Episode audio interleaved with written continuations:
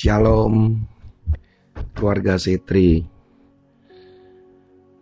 Pernahkah saudara punya pengalaman tentang berdoa? Kadang berdoa itu sulit. Bagi beberapa orang tidak mudah untuk berdoa.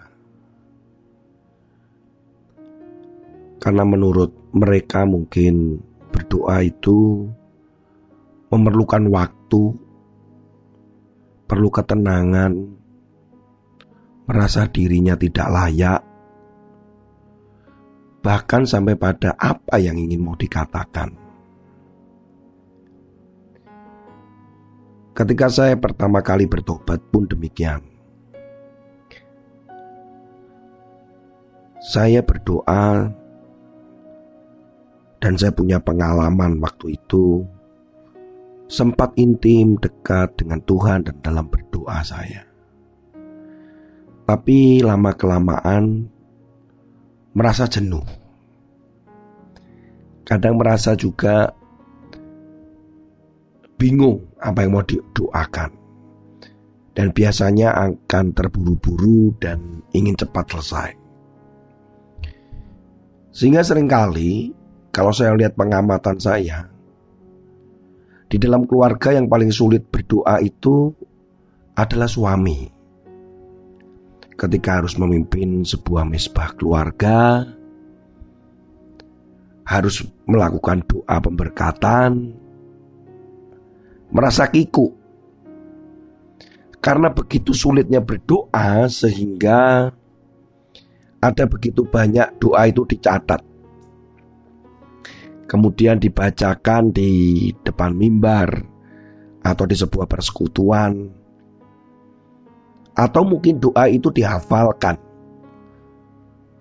Hal ini bisa terlihat ketika tiba-tiba ditunjuk untuk berdoa langsung kelagapan. Kebingungan untuk bagaimana berdoa. Pengalaman saya adalah menurut saya dulu doa itu adalah panggilan. Bagi saya orang yang terpanggil untuk berdoa itu yang bisa berdoa. Tetapi dalam perjalanan waktu ketika Tuhan memberikan kepercayaan saya terlibat di dalam jaringan doa anak dan itu sifatnya nasional saya mulai memahami bahwa doa itu bukan panggilan, tapi itu merupakan gaya hidup, keharusan, bagian dari kehidupan rohani kita. Jadi, tidak ada alasan bahwa semua orang tidak bisa berdoa. Kalau semua orang tidak bisa berdoa atau ada kesulitan, menurut saya yang akan saya sampaikan bahwa pasti ada sesuatu yang salah. Bagaimana saya membuat anak-anak saya mencintai doa ketika dia kecil? Saya ingin supaya doa itu mengasikkan, menyenangkan, bukan sesuatu yang membosankan. Itu bisa berhasil. Tetapi apakah menjadi jaminan ketika dia sudah dewasa, akhirnya dia tetap mencintai doa atau dia melakukan berdoa dengan benar? Belum tentu. Karena itu hanya metode cara saja suasana saja. Dengan daya kreatif yang kami lakukan kepada anak-anak kami, memang membuat anak kami berdoa itu ceplas-ceplos dan begitu mudah di mana saja, kapan saja, sampai hari ini. Tapi apakah mereka mencintai dan senang berdoa? Itu juga belum tahu. Keluarga Setri, Saya akan mengajak saudara untuk membuka di dalam Yakobus pasal yang ke-16. Maaf, Yakobus pasal yang ke-5 ayat 15 dan 16. Dan doa yang lahir dari iman akan menyelamatkan orang sakit itu. Dan Tuhan akan membangunkan dia dan jika ia telah berbuat dosa, maka dosanya itu akan diampuni. Karena itu, hendaklah kamu saling mengaku dosamu dan saling mendoakan, supaya kamu sembuh. Doa orang benar, bila dengan yakin didoakan, sangat besar kuasanya. Keluarga Setri, dari dua ayat ini ada kondisi bahwa doa itu bisa membuat mujizat. Doa itu bisa mendatangkan kuasa Tuhan yang dinyatakan dan kita dan orang lain bisa merasakan mujizat. Saya percaya keluarga Setri juga punya pengalaman hal itu tentang berdoa. Bagaimana ketika berdoa mujizat terjadi? Bagaimana ketika kita memohon kepada Tuhan dan Tuhan menjawab? Saya percaya keluarga Sitri punya pengalaman itu. Tetapi ada banyak yang tidak terjawab atau mengalami masalah. Dari Yakobus pasal yang kelima ayat 15 sampai ayat 16 ada tiga hal yang kita akan pelajari. Yang pertama, berdoa itu bukan pada kondisi, tetapi pada posisi. Berdoa itu bukan ketika kita pada kondisi tertentu kita harus berdoa. Contoh, saat ini kita sedang mengalami krisis, depresi global, begitu mencekam suasana, tekanan begitu besar. Pada kondisi itu, kemudian kita berdoa. Tidak salah pada kondisi tertentu kita akhirnya menjadi orang yang sangat rohani, sedikit-sedikit berdoa dan berdoa. Tetapi kalau kita lihat ayat 15 dan 16 di Yakobus pasal yang kelima ini, sebetulnya bukan pada kondisi, tapi pada posisi.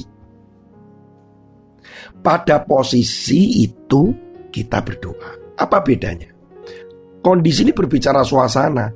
Posisi itu adalah bagaimana keadaan dirimu. Kita harus pada posisi yang benar. Kenapa? Ayat yang 15 dikatakan begini. Ayat 16. Karena itu hendaklah kamu saling mengaku dosamu, mengaku dosamu, dan saling mendoakan. Saya akan garis bawahi mengaku dosa. Supaya kamu sembuh doa orang benar. Yang saya garis bawah kedua adalah doa orang benar. Jadi posisi kita harus benar. Posisi kita harus benar. Posisi kita harus dosa kita diampuni. Oleh karena itu kenapa di dalam doa Bapa kami ada ampunilah kesalahan kami. Untuk membawa kepada saudara pada posisi yang benar. Bukan pada kondisi yang kita alami. Kondisi ini sangat subjektif. Tapi posisi ini saudara dan saya itu bisa introspeksi keadaan masing-masing dengan hati-hati. dengan banyak dosa, dengan hidup yang morat marit. Kemudian kita mau berdoa. Doa ini menjadi sangat berlarut-larut nantinya. Bukan berarti Tuhan tidak mendengar. Tetapi mari kita menjadikan doa itu menjadi efektif. Dengan memperhatikan posisi saudara dan saya. Posisinya harus benar. Bagaimana benar? Kita harus minta ampun di hadapan Tuhan bahwa kita salah. Ada perbuatan salah, perkataan salah, pikiran salah. Sehingga kita harus mengaku dosa. Yang kita pakai adalah yang benar. Kebenaran Allah mutlak, yaitu firman. Saya akan berikan contoh begini. Saudara ilustrasinya adalah baju. Sudah tahu baju? Baju itu ada baju musim panas. Saya kalau menggunakan baju olahraga, ya saya gunakan untuk olahraga kondisi olahraga. Saya pergi ke pesta, saya akan menggunakan jas pada kondisi pesta. Saya berenang, saya akan menggunakan pakaian renang karena kondisinya saya ada di dalam air atau saya berenang. Demikian itu namanya kondisi. Tetapi kalau saya renang, kondisinya memang harus renang, tapi baju renang saya terbalik, itu masalah. Sekali lagi, kalau saya pergi ke pesta, saya menggunakan jas. Jasnya itu terbalik saya pakai. Itu masalah. Kalau saya pergi ke olahraga, kemudian bajunya terbalik, itu masalah. Kenapa? Posisinya salah. Saya pernah satu kali punya pengalaman di Palu waktu itu KKR anak-anak. Karena terburu-buru dijemput dari hotel. Setelah saya berdoa, kemudian saya turun, dijemput oleh sopir. Kemudian sebelum masuk ke mobil, sopirnya mengatakan begini. Pak, memang model bajunya begitu ya. Oh iya, saya bilang begitu. Tapi begitu saya masuk di dalam mobil, saya baru sadar. Ternyata baju yang saya pakai terbalik. Maka saya harus melepas baju saya di mobil dan saya sambil permisi ya pak. Ternyata baju saya terbalik. Saya mau berangkat kondisi pada KKR itu betul. Saya memilih baju yang tepat. Tetapi kalau terbalik diketawain orang. Sehingga saya harus segera posisinya dikembalikan. Demikian pula kebenaran. Kebenaran itu adalah kebenaran. The truth is the truth. Kebenaran itu sama seperti pakaian itu. Dia akan tetap menjadi pakaian. Kebenaran itu akan menjadi tetap pakaian pesta. Dia tetap. Tapi kalau posisinya salah, kita nggak memperhatikan, maka pada kondisi itu tidak tepat. Walaupun baju jas tapi diketawakan orang, jadi pergunjingan. Kancingnya bleset, ataupun kerahnya tiba-tiba masalah, karena kerahnya terbuka,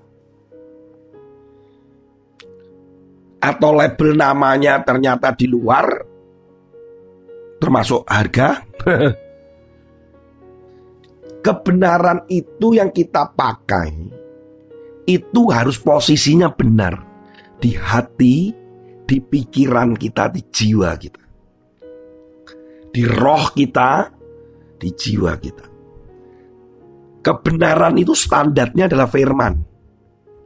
Kalau nggak match di hatimu dan di hatiku, maka kita pada kondisi doa apa pun itu akan menjadi aneh. Kembali lagi. Yang pertama adalah berdoa bukan karena kondisi tapi posisi yang benar. Posisinya adalah mengaku dosa, mengembalikan lagi pada standar kebenaran itu. Hatinya tulus di dalam doa itu karena itu benar. Kepada siapa kita berdoa itu juga adalah kebenaran itu. Mari keluarga Setri kita fokus pada posisi ketika kita berdoa. Oleh karena itu kenapa ya di Setri itu selalu ada doa Bapa kami. Gitu. Itu memang doa yang diajarkan Tuhan. Indah sekali, powerful. Yang kedua, dari Yakobus pasal 5 ayat 15 dan 16 itu adalah berbicara gini. Ayat 16 terutama dikatakan bila dengan yakin. Ini berbicara keyakinan. Ini berbicara tentang iman. Bila dengan yakin didoakan. Posisinya sudah benar. Yang kedua, yakin. Tidak ada keraguan sedikit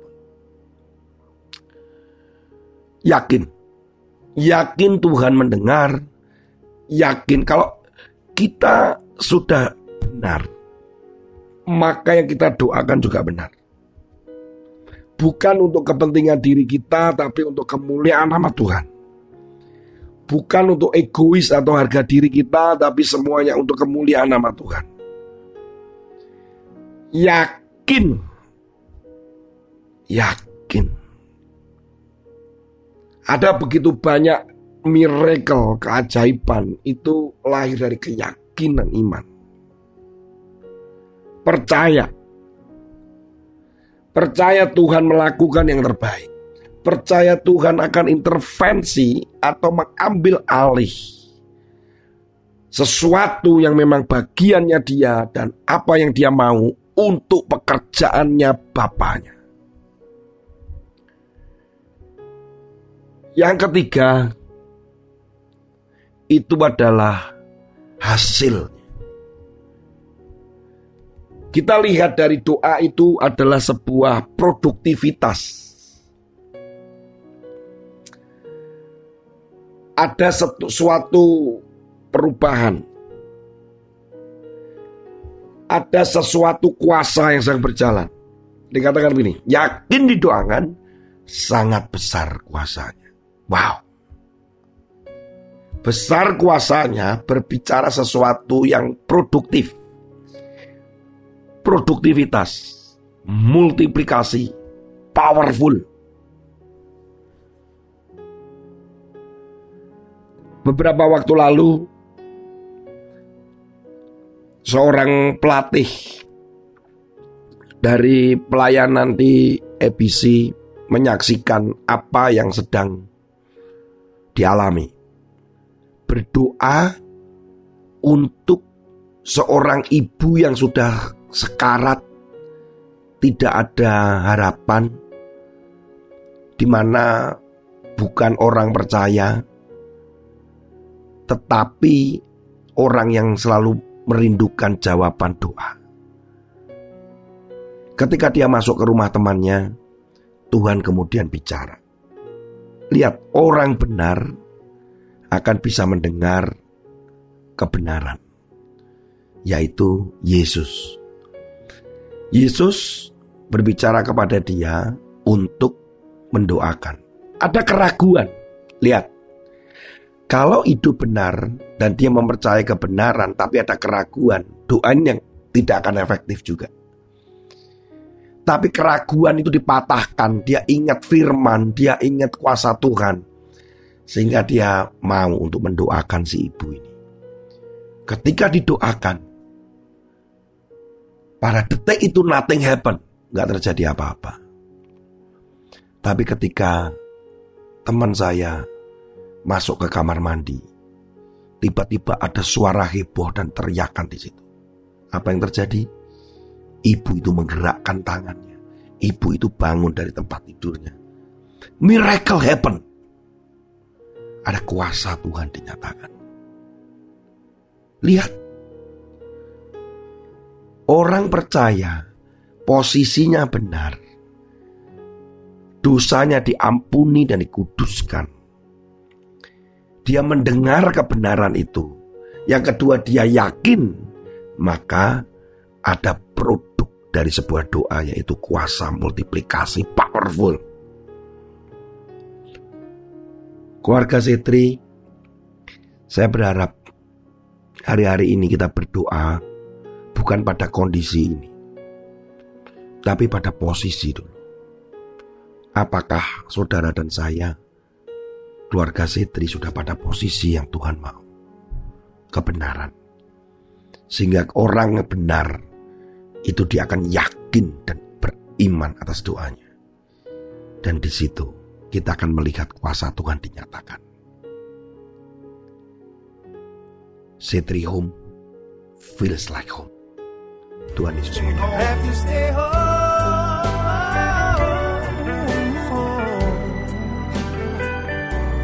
Let's show some love and flatten the curve by staying at home. Save a life, stay at home.